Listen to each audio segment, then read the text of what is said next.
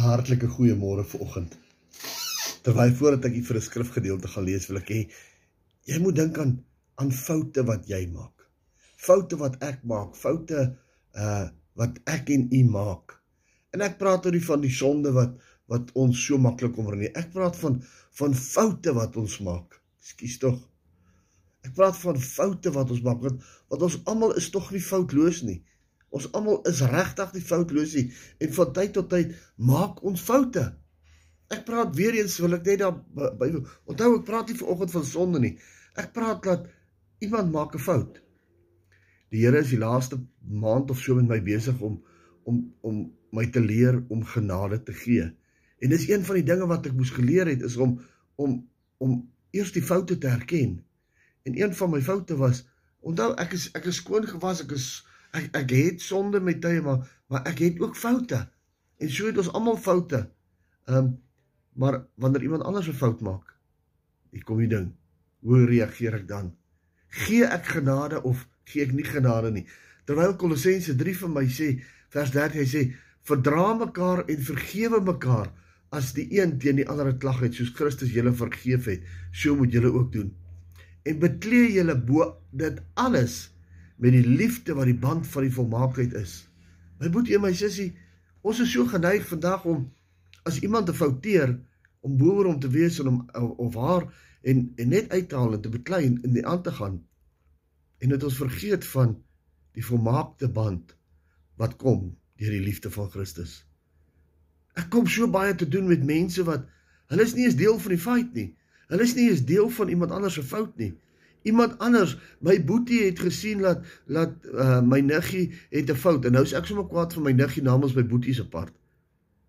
My sussie is te nagekom deur iemand anders en nou is ek sommer kwaad vir iemand anders ook. Ons ken partykeer nie eers die ander mense nie, maar ons is kwaad vir hulle.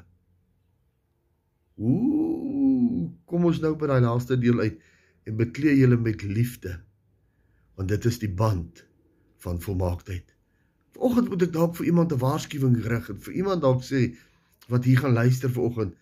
Dit is tyd dat jy jouself beklee met die liefde van Jesus sodat jy verby ander mense se foute kyk. Vernaam nie vernaam mense wat eintlik niks met jou te doen het nie.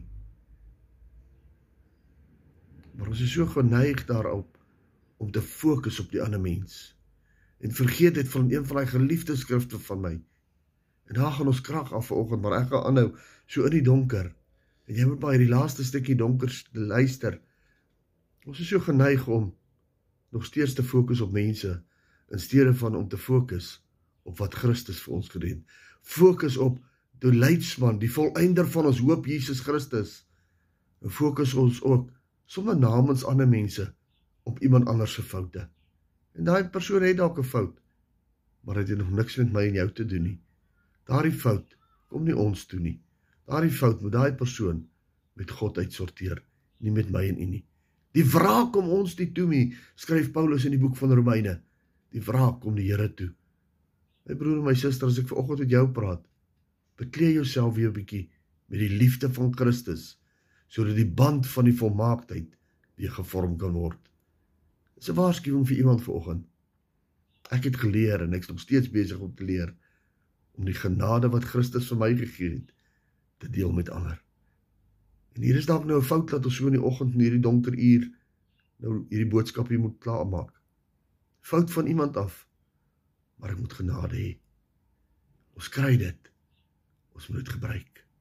Vrede vir jou in hierdie dag terwyl jy identifiseer met jou foute wat iemand anders dalk raak sien. Goedheid en guns vir jou in Jesus naam.